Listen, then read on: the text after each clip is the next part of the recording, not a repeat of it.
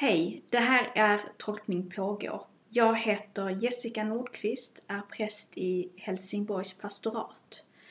Jag sitter här tillsammans med Ellen Jakobsson som är präst i Torns församling, Lunds pastorat. Hej! Hej! Vi ska prata om texterna eh, i andra söndagen i påsktiden. Vill du läsa? Ja. Och det är från Johannes evangeliet kapitel 20, vers 24 till 31. En av de tolv, Thomas, som kallades Tvillingen, hade inte varit med när Jesus kom. De andra lärjungarna sa nu till honom, Vi har sett Herren. Men han sa, Om jag inte får se spikhålen i hans händer och sticka fingret i spikhålen och sticka handen i hans sida, tror jag det inte. En vecka senare var lärjungarna samlade igen och Thomas var med. Då kom Jesus, trots att dörrarna var reglade, och stod mitt ibland dem och sa Frid åt er alla. Därefter sa han till Thomas Räck hit ditt finger, här är mina händer. Räck ut din hand och stick den i min sida. Tvivla inte, utan tro. Då svarade Thomas Min Herre och min Gud. Jesus sa till honom du tror därför att du har sett mig. Saliga de som inte har sett men ändå tror. Också många tecken som inte har tagits med i denna bok gjorde Jesus i sina lärjungars åsyn. Men dessa har upptecknats för att ni ska tro att Jesus är Messias, Guds son, och för att ni genom att tro ska ha liv i hans namn. Vad i texten får dig att eh, tända till eller tycka är, är någonting extraordinärt? Eh, nej men det, det jag först fastnade för och, och tänkte på det var just det här att, att Jesus verkligen vill hjälpa Thomas att tro. Att han, är, han är väldigt mån om att han ska tro. Eh, att han sträcker fram sina händer och, och, och, så, och dyker upp där. Men också att, att Johannes är väldigt mån om att, om att vi ska tro. Eh, att det är därför han skriver ner det här och, och vill att andra ska läsa det. Så att vi ska kunna komma till tro. Liksom. Mm. Vad är det, är det någonting som bränner till för dig? Nej men jag, jag tänkte ju på det här om nu Jesus har uppstått, eh, han står där framför dem men han har fortfarande öppna sår eftersom man kan sträcka fram handen till Thomas och säga här, peta fingret i mitt sår. I? Eh, eller i sidan. Exakt. Eh, ja, vill man det liksom? Eh, nu verkar det som att Thomas inte gjorde det utan bara att det räckte att han faktiskt såg. Men, men, men liksom den här bilden av Jesus ståendes där med sina sår fortfarande. Mm. Så har jag inte riktigt tänkt det mm. tidigare tror jag. Men just det här att, att han inte riktigt litar på bara sin, den åsynen av att, att han vill in och peta. Mm. Att det är någonting sensationellt i det. Mm. Det är makabert. Mm. Ja men det är det verkligen. Men är vi inte lite så då liksom att nej men jag, jag behöver se själv för att kan inte bara tro på vad du säger liksom. Men att peta? ja. Pyttelite sjukt. ja. Så som påskens vittnen ska vi ut och, och prata om uppståndelsen. Vad finns det i uppståndelsens budskap, alltså om hoppet, när vi befinner oss i det här paranoida läget? Mm. När vi befinner oss i, i eh, coronageddon. Mm.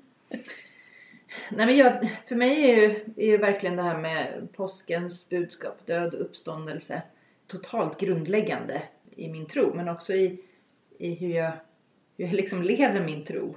Jag, jag, jag tycker att det här är en rörelse som jag upplever i mitt liv och inte bara att det inte bara har att göra med huruvida, vad händer när jag dör, utan alltså rörelsen död och uppståndelse, den, den har jag i min vardag. Och den sker, den, den kan ske hela tiden. Att döden handlar om att, att, att våga släppa taget om det som jag inte längre vill bära runt på. Eh, eller det i min personlighet som jag inte längre vill, vill ha eller eh, så. Och, och uppstå till någonting nytt, alltså låta någonting nytt få ta plats. Där sa du någonting spännande om någonting i sin personlighet som man inte längre vill ha. Mm. Hur kommer man fram till det? Nej, men ibland tänker jag att man bara fastnar i sina mönster. Eh, alltså man kanske har levt på ett visst sätt och Eh, jag kan i alla fall uppleva att jag i perioder har känt att jag blir lite trött på mig själv. att, att liksom nej, nu, nu vill jag inte harva vidare i det här. Jag vill inte ha det här eh, med mig på samma sätt längre utan nu, nu, vill, jag, nu vill jag faktiskt släppa taget om det. Mm. Nu, vill jag, eh, nu vill jag få uppstå i en ny gestalt Mm. liksom, på något sätt. Och det, det jag tycker är så spännande det är, det är ju verkligen det här att, att det inte går att planera uppståndelsen. Jag kan, inte, jag, kan inte, jag kan inte tänka att det är ett visst antal steg som kommer att tas nu. Att Mm. släpper jag taget om det här då kommer det bli sådär istället. Mm. Utan hela poängen liksom mer är att, att, att bara släppa taget utan att veta. Eh, att i full tillit bara, eh, bara släppa och sen se vad som kommer. Och min erfarenhet är ju i alla fall att det, att det alltid kommer någonting bättre. Mm. Men det du säger nu, det är ju du intellektualiserar eller använder ett, liksom ett andligt språk eller ett Mm. religiöst språk. För att den tendensen eller det beteendet du pratar om, det kan vi även se i den profana världen, tänker jag. Profana världen, vem säger man så? Eh, Apropå språk. Ja. Exakt. Eh, Att när måndag kommer, då ska jag sluta med sockret. Mm. Nästa vecka ska jag börja träna. Mm. Jag ser också eh, det här på Instagram att det är så väldigt många som börjar så här eh, gympa hemma challenges Mm. eller sådär. Eh, och att, att folk som du säger tröttnar på sitt gamla och vill, och vill återuppstå i ny gestalt. Mm. Problemet är kanske att den nya gestalten är så hårt förknippat med en ny snygg kropp. Ja. Och då tänker jag, då är det ju inte uppståndelse. Nej. Alltså, utan då, då har du ju, du har ju din bild klar då, vart Mm. du är på väg. Mm. Och hela poängen med, med död och uppståndelserörelsen tänker jag är att, att jag inte har det. Jag vill bara inte ha det så här längre. Men jag, Mm. jag kan inte, jag vet inte själv vad som kommer att vara bättre. Mm. Eller, liksom, jag kan inte ehm, Ja, men jag, jag kan inte veta det innan. Eh, utan jag, det handlar om på något sätt tillit till att det, det är någonting annat som vet det bättre än mig. Så istället för att arbeta med en målbild så ska man arbeta med att, att skära loss det. Ta Ja. bort det. Ja men kan det inte vara det här att vi, vi, vi vill så gärna liksom ha kontroll över alla de här processerna. Vi vill veta varför gör vi det här? Vad kommer jag få för resultat? Hur lång tid kommer det ta? Mm. Ja, vi vet inte. Liksom. Jag, jag vet inte. Så att, att, att, att kanske komma ifrån det och mer men mer öva oss i det här med att bara släppa taget och att, att liksom eh, Okej, vad är det jag vill? Jo, men jag vill inte ha det här beteendet längre. Nej, men då är det väl det som är fokus. Eh, inte eh, ja, vad som händer sen utan, Mm. utan hur, hur blir jag friare som människa? Eller hur, hur slipper jag gå och oroa mig för det här hela tiden? Eller hur slutar jag vara så självdestruktiv? Eller ja, vad det nu är. Då är det det som är, som är liksom, ja, det jag ska titta på. Mm. Och göra någonting åt. Samtidigt så ges det ju oss en, en, en tidsram. Mm. Där, där talet 40, om vi tänker på fastan. Här har du 40 dagar, gör någonting åt det. Mm. Så ska, det kommer hända någonting men här får du de här dagarna. Mm. Och att den tidsramen kan ju vara ganska skön. Mm. Absolut. Så det finns ju någonting i det här att bli hållen av den här ramen. Mm. Men, jag- men det jag tror är om i år har ju den här fastetiden varit väldigt annorlunda Mm. upplever jag i alla fall. Den har, eh, den har fått en helt annan djupare betydelse. Men jag tänker ju fortfarande att, att även fast vi vet att vi är på väg mot påsken, att de här 40 dagarna kommer att ta slut.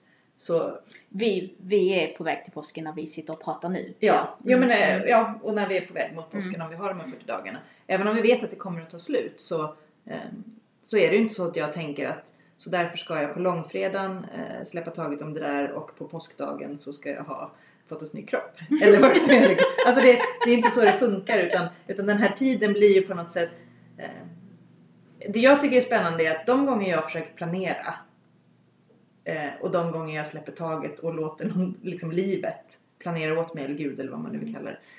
Så blir det alltid så mycket bättre. Mm. Alltså jag, jag är för begränsad här och nu för att kunna förstå hur det skulle kunna bli eh, liksom, ja, bättre på ett sätt som, eh, som livet kan göra mycket bättre. Liksom. Och, och det tror jag är liksom lite nyckeln till det här att, att så fort jag är inne och petar i det och tror att jag ska göra det själv. Eh, att jag vet minsann.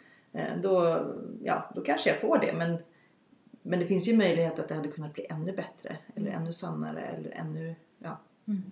Om jag inte själv hade försökt styra det. Mm. Så mycket i alla fall.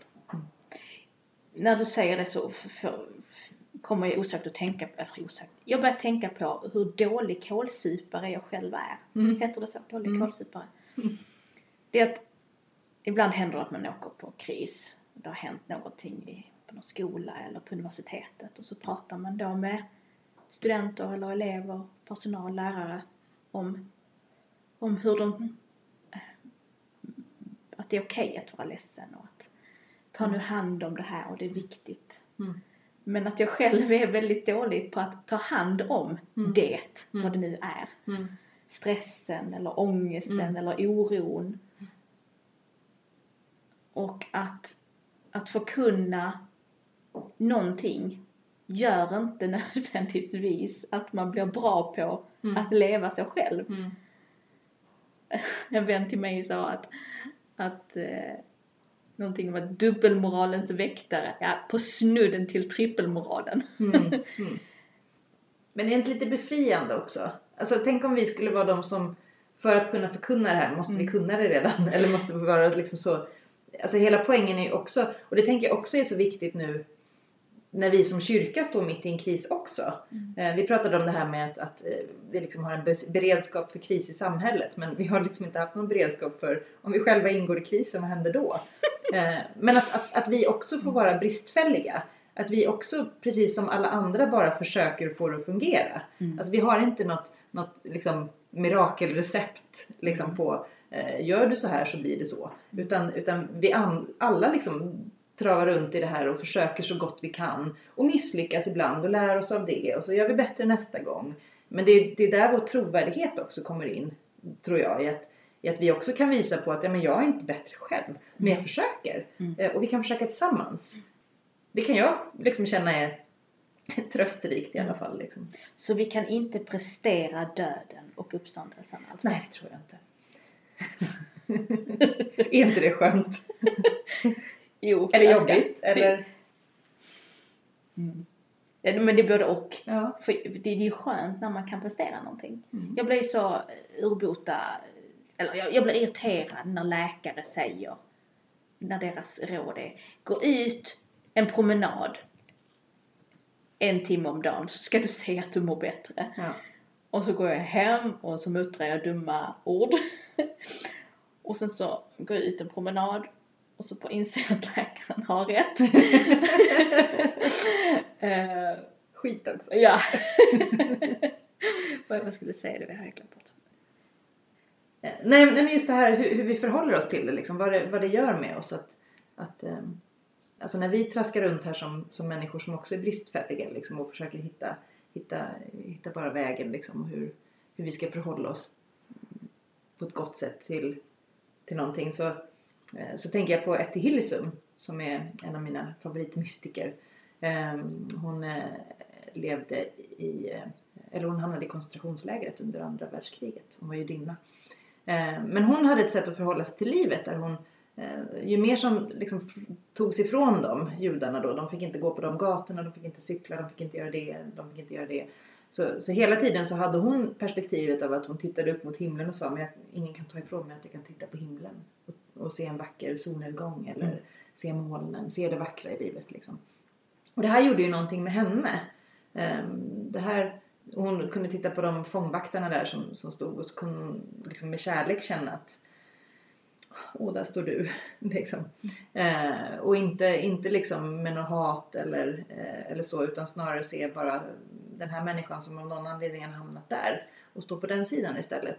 Eh, och att eh, ibland så hamnar vi ju i det här med liksom förlåtelse. Vi ska inte förlåta någon för de förtjänar inte vår förlåtelse och så. Men, men det drabbar ju bara oss. Mm. Eh, Hennes sätt att förhålla sig till världen och till människorna runt omkring och de omständigheter hon var i var ju att göra det bästa för sig själv Mm. på något sätt. Jag mår bättre om jag ser fördelarna i livet just nu. Även om de blir färre och färre. Så mår jag bättre och klarar mig bättre med det, med det jag kan uppleva. Liksom. Mm. Just det. Och hon på något sätt blir ganska aktuell i vår tid. Mm. Och det, det är ju det som är, tycker jag, med mystiken. Att det, det går liksom genom tid och rum. Det är Mm. inte, jag menar människor, vi går igenom de här olika, vi går igenom kriser, tragedier. Det är återkommande genom hela mänskligheten på något sätt. Eh, och de som lyckas på något sätt fånga de här ja, djupgående liksom, symboliken i det också. De talar ju till oss oavsett vilken tid vi lever i. För det är någonting, du nämnde någonting tidigare om att, som jag tolkar lite som att när någon dör, då är det, då är det någonstans där det har gått snett. Det är, någon, det är på någons bord där någon har gjort fel. Det har skett ett misstag. Att vi är så långt Mm. ifrån den naturliga döden. Ja men absolut. Och att vi inte riktigt kan acceptera att döden är ett faktum i våra liv. Nej. Och det är väl också lite om kontroll. Vi vill kunna liksom kontrollera och, och när vi inte kan det så är, så är det någonting som är fel. Eh, Har, har du, känner du att du måste ha kontroll över saker? Jag försöker att inte ha det. Eller jag kan, jag kan upptäcka ibland när jag liksom försöker styra någonting åt något håll när jag inser att fast det, det vet jag ju faktiskt inte egentligen om det är det bästa. Och så Mm. försöker jag släppa det. Mm. Ehm, Men det är ju inte alls så himla enkelt. Ehm, Jag tror också liksom när, det, när vi har ett virus till exempel som vi inte kan jag kan inte se det så jag kan inte veta om du smittar mig med någonting. Mm. Jag kan bara förlita mig på att vi båda tvättar händerna och stannar hemma med symptom. Alltså Mm. så. Någonstans så måste man hitta en nivå av hur, hur kan jag finnas och fungera i det här? För, för man kan inte gå omkring och oroa sig och man kan inte kontrollera allting. Och det, den här liksom kontrollförlusten kan ju också vara ganska befriande när man väl liksom släpper taget och säger jag kan ändå inte ha kontroll över det här. Så jag kan, jag kan bara göra det jag kan. Eh, det jag kan ha kontroll över det kan jag, kan jag göra men resten måste jag bara släppa. Eh, och det tror jag är en övning i, i någonting större i livet. Som vi kan ha nytta av på, på många olika plan. Precis, för att min följdfråga där blir ju, är du rädd för att dö? Nej, jag är nog inte det. Jag är själv uppvuxen med, jag hade hjärtfel när jag föddes. Så döden har ju på något sätt funnits alltid närvarande även om jag mår, mår bra nu och inte har några liksom, problem av det. Så tror jag att det har liksom alltid funnits där som, ja, som en möjlighet. Och det tror jag kanske gör någonting med en. Men jag tror också att det, det är två olika frågor egentligen. Den ena eh, upplever jag är den här fear of missing out. Mm. Att, att liksom, om jag, när jag har dött så kommer jag inte få träffa mina barnbarn eller jag kommer missa det där eller det. Medan den andra frågan är då, gör det ont att dö? Mm. Alltså rädslan för lidandet i det. Mm. Är det liksom det som hände strax innan? Mm. Och Thomas, tänker jag, har ju någonstans en rädsla för lidandet. Mm. När han v- vill se Jesus så. Mm. Får jag se? Ja, precis. Visa mig dem. Jag sticka fingret? Ja. Men också vill kanske eh, ha någon slags bekräftelse. Alltså en, en, en så konkret bekräftelse han kan få som möjligt att, att, att döden inte vann. Liksom. Mm. Att, du står ju faktiskt här. Jag kan se det, jag kan, jag kan känna liksom, Mm. det. Då, då kan jag tro det. Mm. Eh, Ja, och också eh, i en förändrad gestalt. Mm. Mm. Ja, för det... Jag tycker det, min bild liksom av den uppståndne Jesus är ju någonting annat. Jag, det står ju att han, han dog och uppstod i en ny gestalt. Ja, vad är det då? Alltså, den måste ju vara någonting annat. Mm. Och det är därför jag tycker det är så konstigt då att han, att han som den uppståndne står där och fortfarande har hål i sina händer. För jag, jag har tänkt att när man uppstår på det viset i alla fall så, så försvinner det. Alltså då, då är man inte en... Ja, alltså då, då finns det inte de felen eller problemen i kroppen på det viset. Liksom. Mm. Men vad vet jag? Mm. Att han mer är liksom en, en perfekt eh, ett perfekt exemplar av sig själv med skinande vita kläder och ja, men också han kunde ju komma in i rummet trots att det var reglade dörrar. Ja, just det. Så att, jag menar, jag tänker att han kanske inte var i fysisk form på samma sätt. Men å andra sidan kanske han bara kunde visa upp hålen i händerna och sen så kunde de försvinna också. Just det. Jag menar det, ja. Han- var pedagogisk och tog fram sina, sina, sina såriga händer för att visa Thomas och sen kanske de blev hela igen, vad vet jag. Ja, jag tror att det behövs ett, visst mått pedagogik här. Mm. För att, att gå in i döden och vara där och besegra döden och komma tillbaka igen. Mm. Jag får inte mitt huvud runt det. Nej.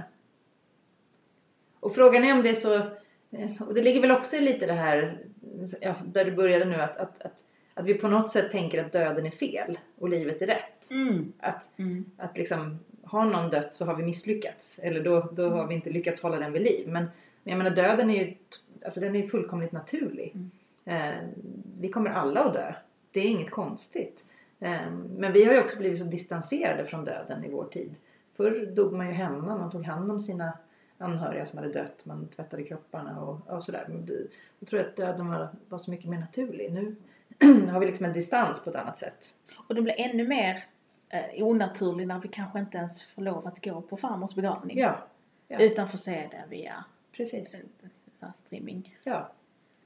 Och jag menar vi, vi är ju väldigt rädda för känslor ofta. Alltså vi, vi kan vara så, jag jobbade som fängelsepräst ett tag och där, där var det ju inte riktigt okej att visa känslor för mycket i en sån miljö. Eh, jag vet någon som, som sörjde en, en familjemedlem som hade dött och det, det fick liksom pågå under en viss tid. För sen, ja, är du fortfarande ledsen nu så ger vi dig antidepressiva medel liksom. Eh, för att det, ja, det ansågs inte som ja, men naturligt eller, eller fungerande i den miljön. Men, men det blir så konstigt liksom. Och det, så tänker jag att det är i samhället i stort. Att vi, vi vet inte riktigt hur vi ska sörja längre heller.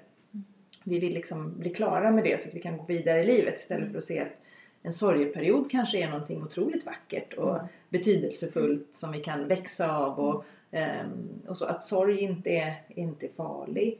Ehm, jag tänker att lidande också, jag menar de gånger som jag har haft det jobbigt i livet, det är då också som jag växt mest som människa. Det har gett mig absolut mest, eh, de perioderna. Så att det kanske inte går att sätta liksom, vad är bra och vad är dåligt. Mm. Eh, vi kanske skulle bli bättre på att omfamna hela livet. Allt. Precis. Mm. Att omfamna hela livet. Med alla dess olika liksom, dimensioner Mm. och alla känslor och... Ja men det här är ju livet. Mm. Oavsett om... Och det där tycker jag är så spännande det här med... Vi är inne i påsktiden liksom. Med, med, vi är inne i uppståndelsetiden. Mm. Men hur, hur verkar den i våra liv då? Okej, Jesus har uppstått. Han gör det varje år i, vårt, liksom, i vår cykel. Så. Men, men hur, hur, har, hur är vi kvar i det då? Är det så att det händer på påskdagen och sen återgår vi till normalt liv? Mm. Eller får uppståndelsen liksom leva i oss på något sätt? Ja, hur får uppståndelsen ta plats i dig? I den här tiden så att säga som är så himla skakig på något sätt. Alltså jag tänker att fördelen för oss som har de här cyklerna med att varje år så kommer påsken igen. Varje år så får vi, får vi liksom påminnas om uppståndelsen. För det är inte så att den händer bara då. Men vi får påminnas då. Det gör ju att för varje år så kanske vi kommer lite djupare, lite närmare. Lite liksom närmare att förstå vad det faktiskt innebär i våra liv. Mm. För jag menar, även om vi skulle vara dagarna innan påskdagen så finns ju uppståndelsen. Ja, ja, ja. Men jag tror inte att vi alltid är så bra på att leva i den. Jag tror vi glömmer bort den. Att, att vi lever, vi lever i uppståndelsetiden. Alltid. Mm. Jag skulle vilja säga att denna påskdagen är kanske en, alltså uppståndelsen är viktigare än någonsin. Mm. När vi har under senaste månaden levt i en ganska förvirrad tid. Mm. Absolut. Alltså där solen skiner, Mm. där vi ser vårtecken på marken Ja. och hör dem. Och kan dofta dem. Det kanske är så att detta budskap har aldrig varit så viktigt, kanske i mitt liv, som Nej, det är just nu. Och det, den här söndagens tema är ju påskens vittnen. Mm. ja, hur är vi det? Ja, exakt. Hur är vi det? Och jag tänker att vår kyrka i den här tiden har ju en jätteviktig uppgift i att, att liksom stå mitt i, i kris och ändå leva uppståndelse. Mm. Liksom, det, det är ju otroligt spännande. Hur gör vi det? Inte i att liksom förringa lidande och död och sorg och sånt där och att det ska vara något glatt. Och, eh, uppståndelsen finns ju så det är ingen fara. Eh, Men, men liksom hur, hur, hur får det finnas levande där trots kris och Mm. död och lidande? Och det är väl kanske vår stora uppgift alltid. Men det blir extra tydligt nu. Ja. Tack så mycket Ellen Jakobsson. Tack själv.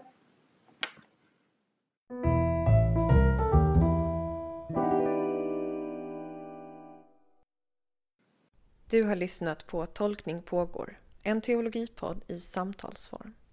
För dig som vill fundera över livet och tron och för dig som vill få inspiration i predikoförberedelsen. Tack för att du har lyssnat.